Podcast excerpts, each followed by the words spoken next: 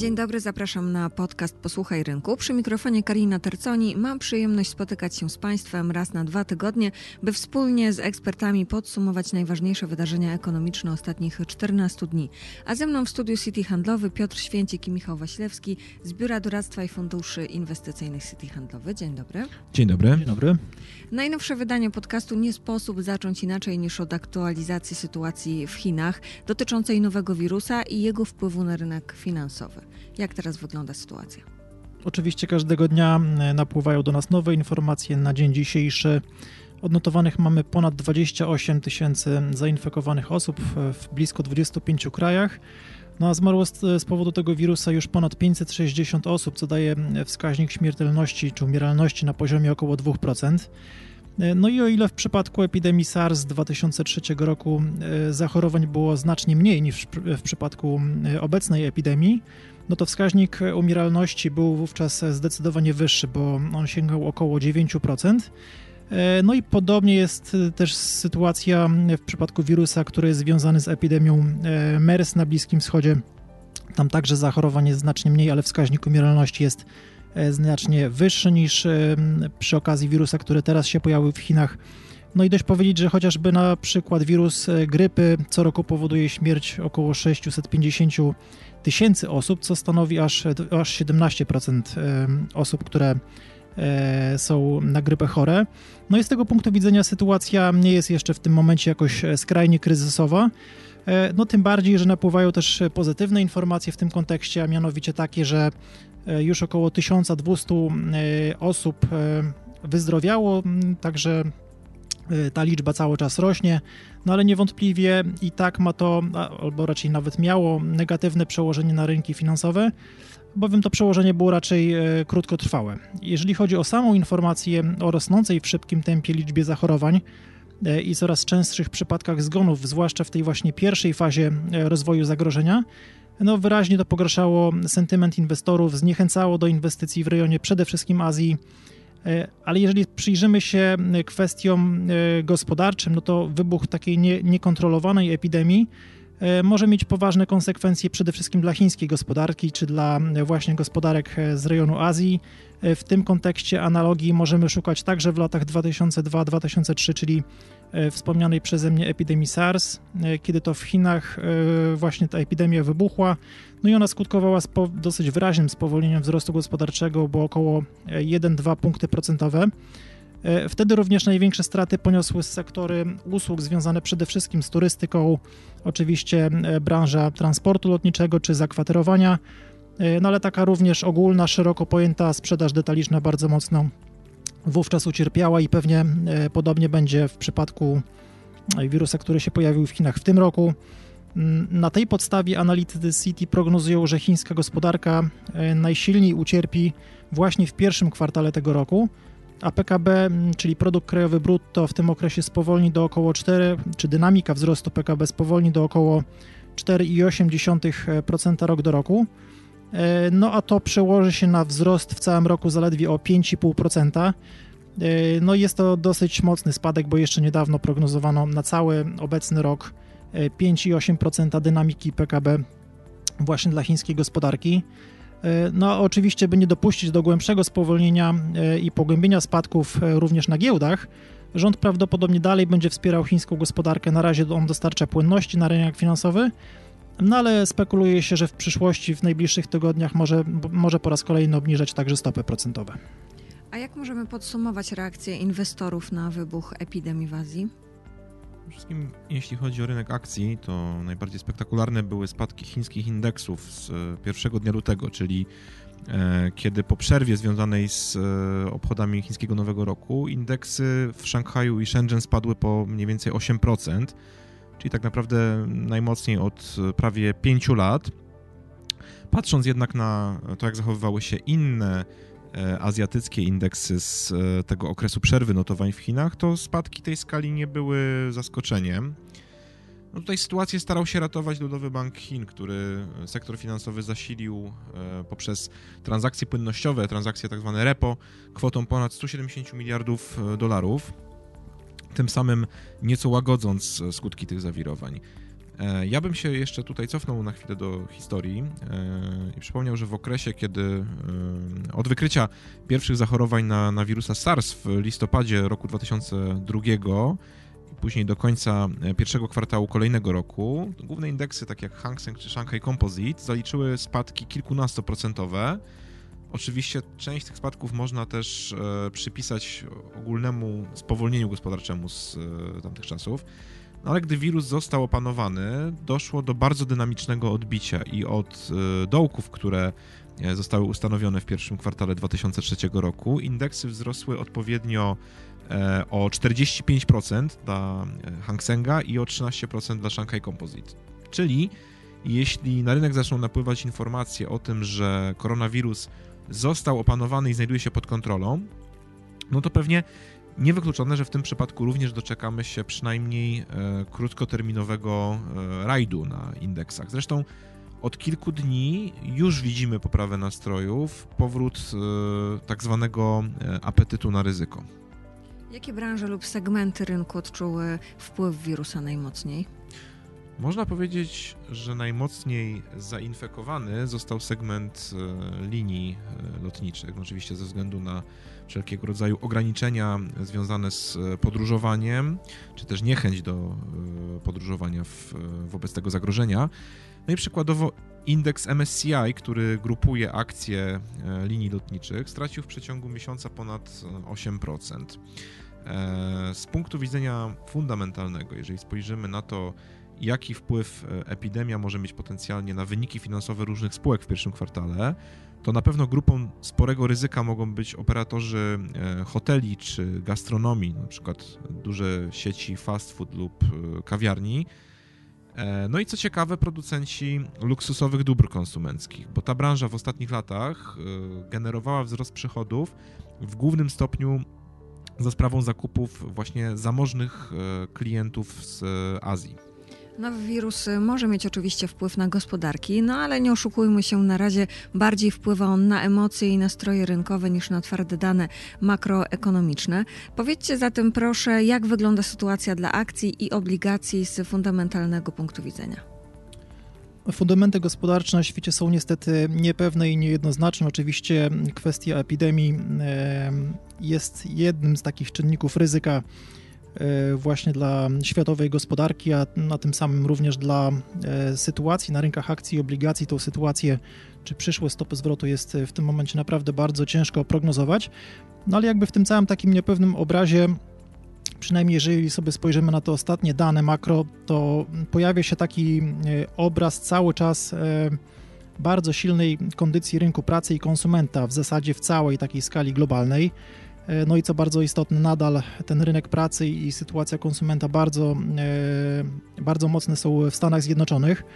E, potwierdzają to choćby wczorajsze odczyty PMI usługowe dla stref euro, który wyniósł 52,5 punkta. Bardzo wysoki odczyt także w Wielkiej Brytanii, blisko 54 punkty.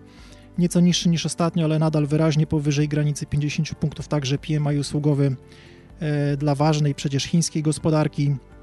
W Indiach e, także wyraźnie powyżej 55 nawet punktów. Mm, wczorajsze także e, dane ISM dla usług, na przykład w Stanach Zjednoczonych, także zaskoczył pozytywnie. Również wczorajsze e, bardzo dobre dane z rynku pracy w Stanach Zjednoczonych, gdzie no, wzrost miejsc pracy w sektorach prywatnych poza rolnictwem bardzo wyraźnie zaskoczył analityków rynkowych. Natomiast nadal cały czas dosyć słabo, dosyć słabe dane napływają z sektora przemysłowego.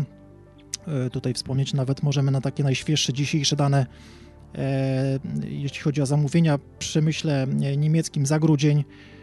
Ta dynamika miesiąc do miesiąca spadła o ponad 2%, a spodziewano się lekkiego wzrostu, wzrostu także ta sytuacja, jeżeli chodzi o sektor przemysłowy, tak, cały czas jest no, trudna i niepewna. No co prawda ostatnie odczyty PMI właśnie dla przemysłu w strefie euro, one okazały się nieznacznie lepsze od prognoz, a na przykład taki indeks e, City, który pokazuje e, zaskoczenia ekonomiczne, czy tych danych, które się pojawiają dla strefy euro cały czas jest e, na dodatnich poziomach, no to jednak ciężko oprzeć się wrażeniu, że sektor przemysłowy nadal bardzo ciąży globalnemu wzrostowi gospodarczemu. Do tego dochodzi nadal ujemna dynamika w wymianie handlowej w kluczowych e, gospodarkach, no i w efekcie mamy recesyjne odczyty, e, jeżeli chodzi o dynamikę wzrostu gospodarczego za czwarty kwartał, na przykład we Francji i we Włoszech, które wniosły odpowiednio minus 1,1 i minus 0,3%. No niemniej jednak szeroki obraz jest jednak taki dość umiarkowanie, powiedzmy, pozytywny. E, choćby patrząc na właśnie wspomniany przeze mnie indeks zaskoczeń ekonomicznych CESI, który jest na dodatnich poziomach nie tylko dla strefy euro, ale także dla Stanów Zjednoczonych i dla rynków rozwijających się, w tym także dla Chin, gdzie ostatnio, e, ostatnie dane e, wyraźnie zaskakiwały in plus. No a zatem generalnie podtrzymujemy to, co mówiliśmy wielokrotnie. Nadal spodziewamy się raczej spowolnienia wzrostu gospodarczego, ale raczej umiarkowanego, a do globalnej recesji przynajmniej w tym momencie jeszcze wydaje się daleko droga. No podsumowując to, co powiedział e, Michał o gospodarce, ja bym przypomniał, że e, ten dysonans pomiędzy bardzo dobrym e, nastrojem konsumentów, a dużo, gorszym, dużo gorszą sytuacją w biznesie i w inwestycjach, no to jest trend, który nam towarzyszył nieustannie już w zasadzie przez cały 2019 rok i jak widać na większe zmiany w tym zakresie się nie zanosi. Także tak jak sygnalizujemy e, w naszych prognozach, wypadkową tego powinno być w miarę stabilne tempo wzrostu gospodarki globalnej w roku 2020, zarówno e, w krajach rozwiniętych, jak i w tych wschodzących, chociaż gospodarki wschodzące mają szansę nawet odnotować minimalne przyspieszenie. Zatrzymajmy się na chwilę przy Stanach Zjednoczonych. Trwa tam obecnie kampania przedwyborcza. Co to może oznaczać dla inwestorów? Generalnie obserwatorzy sceny politycznej są zdania, że Donald Trump raczej uzyska reelekcję, niezależnie od tego, z którym z kandydatów z obozu demokratów finalnie się zmierzy w wyborach.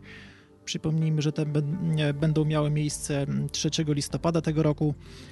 No i w tym, w tym kontekście właśnie prawyborów e, czy przygotowania w ogóle do wyborów w Stanach Zjednoczonych rynek finansowy chyba trochę nie doszacowuje prawdopodobieństwa ewentualnego oczywiście zwycięstwa przede wszystkim Berniego Sandersa, który ma y, program no, raczej niesprzyjający inwestorom na rynkach akcji i obligacji, tak to możemy chyba określić, ponieważ y, no, zapowiadane są dosyć znaczne wydatki fiskalne y, plus zwiększenie podatków od zysków spółek, czyli to byłoby cofnięcie reformy podatkowej przeprowadzonej przez Donalda Trumpa Natomiast jeżeli mówimy o prawyborach, no to mm, ostatnie miały miejsce, jeżeli chodzi o obóz demokratów w stanie Iowa. E, jeżeli chodzi o taki aktualny obraz, no to tam już prawie wszystkie głosy finalnie zostały e, podliczone. Przypomnijmy, że mm, z tym liczeniem głosów też było spore zamieszanie. No i dopiero teraz ta sytuacja się klaruje. No i tak jak mówię, Bernie Sanders e, chyba to ryzyko jest niedoszacowane, ponieważ on w tych prawyborach uzyskał drugie miejsce z wynikiem 26,1% głosów. Y, tuż za y, dość niespodziewaną, chyba niespodzianką tych prawyborów, przynajmniej na razie, ponieważ zwycięstwo odniósł Pete Buttigieg. Jest to dosyć nowa postać i trudne przynajmniej na razie do wymówienia nazwisko. On, tak jak mówię, uzyskał E, bardzo symboliczną e, większość, bardzo symboliczne zwycięstwo w tych prawyborach 26,2%, jeżeli chodzi o oddane głosy. No i właśnie temu kandydatowi jeszcze nikt do niedawna nie dawał szans, a, a teraz e, wysuwa się on na prowadzenie, jeśli chodzi o partię demokratyczną, więc już widać, że na samym początku, na samym starcie kampanii wyborczej jest bardzo ciekawie. No ale z drugiej strony historia pokazuje, że w podobnym otoczeniu gospodarczym, czyli takiej dobrej sytuacji gospodarczej w Stanach Zjednoczonych, urzędujący prezydenci w zasadzie za każdym razem uzyskiwali reelekcję. To, czy taki scenariusz e, jest dobry dla inwestorów, to już zupełnie inna kwestia i, i myślę, że warto ją poruszyć, ale e, na naszych przyszłych spotkaniach, na których pewnie też warto by było pokusić się o jakieś dokładniejsze przedstawienie e, programów kandydatów. Natomiast jeżeli chodzi o e, obecnie urzędującego prezydenta Donalda Trumpa, no to o reelekcję będzie się on ubiegał, ponieważ mm, impeachment finalnie nie dojdzie do skutku. E, jest to trzeci prezydent w historii Stanów Zjednoczonych, który właśnie uniknął usunięcia z urzędu. E, no głównie dzięki rządzonemu przez republikanów, ponieważ Senat, który właśnie jest prze, przez republikanów rządzony, właśnie wycofał oskarżenie o nadużycie władzy obecnego prezydenta. Natomiast warto jednak odnotować, że w Sejmie w USA nadal większość mają demokraci, więc urzędującemu prezydentowi no raczej ciężko będzie przed wyborami realizować jakieś swoje pomysły gospodarcze. Widzimy jednak, że pomimo coraz bliższego terminu tych politycznych rozstrzygnięć, rynek akcji nadal pozostaje silny. To prawda. W, na przykład w USA wzrosty trwają w zasadzie nieprzerwanie od października. Nawet e, w styczniu i w lutym te poważne zawirowania zewnętrzne, jak e, napięcia z Iranem czy obecnie epidemia, nie przeszkodziły i nie popsuły nastrojów. Właściwie można powiedzieć, że po bardzo krótkiej, e, kilkuprocentowej korekcie spowodowanej koronawirusem, główny indeks SP 500 zawędrował już na nowe szczyty obecnie powyżej poziomu 3300 punktów, czy w zasadzie nawet bliżej 3400 punktów, e, a stopa zwrotu od początku roku już e, sięga około 4%. To jest e, i tak niewiele w stosunku z hura optymizmem, jaki panuje w sektorze technologicznym. Indeks Nasdaq zyskuje od początku roku prawie 8%, a akcje bardzo wielu spółek biją rekordy wszechczasów. No, chociażby jest to grupa gigantów takich jak Apple, Microsoft, Google czy Adobe, albo najbardziej spektakularny przykład ostatnich dni, jakim jest Tesla, która e, po publikacji wyników kwartalnych e, zawędrowała na poziomy, można powiedzieć, wręcz astronomiczne. Kurs wzrósł o 60% w ciągu kilku dni. No i to chyba dosyć obrazowo pokazuje skalę przysłowiowego przegrzania tego segmentu rynku. I tu powiedziałbym, że warto wziąć chyba głęboki oddech i zachować zdrowy rozsądek, obserwując te hiperboliczne wzrosty akcji technologicznych. A czy tak e, hura optymistyczne nastroje dotarły również do Polski? Niestety nie. W tym przypadku sytuacja nie uległa e, w zasadzie zmianie versus 2019 rok. Tu wspomniałem o październiku jako momencie startu e, kolejnej fali hossy w Stanach Zjednoczonych, ale porównując w tym samym okresie zachowanie naszego głównego indeksu WIG-u, widzimy, że on zatrzymał się praktycznie w miejscu, wahając się pomiędzy poziomami 55 tysięcy i 59 tysięcy punktów. Więc na pierwszy rzut oka mamy ciąg dalszy stagnacji. Ale jeżeli spojrzymy głębiej, to zauważymy dosyć ciekawe rozwarstwienie między segmentem dużych spółek, szczególnie tych z, ze znaczącym udziałem Skarbu Państwa, a segmentem firm małych i średnich. Tak zwane blue chipy, czyli te największe przedsiębiorstwa wchodzące w skład WIG-u 20, są w tym roku na minusie kontra globalne trendy, a przede wszystkim za sprawą spółek energetycznych, gdzie wyceny spadają już o ponad 10%. W tym samym czasie indeksy mniejszych firm, e, zgrupowanych przykład w MWIG 40 czy w SWIG 80, poruszają się w bardzo dynamicznym trendzie wzrostowym, nawet wyprzedzając e, parkiety amerykańskie pod względem skali zwyżki. Czyli wygląda na to, że kapitał w jakimś stopniu przeprosił się z polskim rynkiem, ale zakupy akcji na razie przebiegają w bardzo selektywny sposób.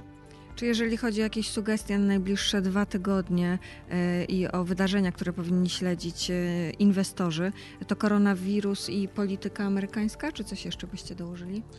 Myślę, że zdecydowanie wirus będzie tutaj e, pojawiał się jako taka najistotniejsza E, informacja, a właściwie nie tyle sam wirus, co pierwsze e, estymacje wpływu wirusa na e, faktyczne dane makroekonomiczne, bo takiej estymacji może w najbliższych tygodniach pojawić się coraz więcej, będą coraz bardziej wiarygodne.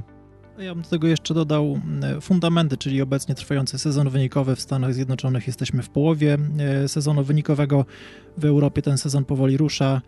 E, wiadomo, że emocje także są ważne, natomiast one mają raczej mm, krótkoterminowy wpływ na rynki finansowe, e, a te dane pokażą w jakiej kondycji są, czy w zasadzie były pod koniec zeszłego roku e, spółki finansowe, przepraszam, spółki w ogóle na świecie mm, i to pokaże nam jaki obraz jest, jeżeli chodzi o zyski przedsiębiorstw.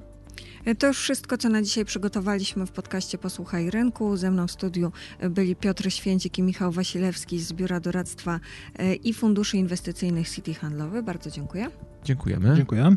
A ja się nazywam Karina Terconi. Do usłyszenia za dwa tygodnie.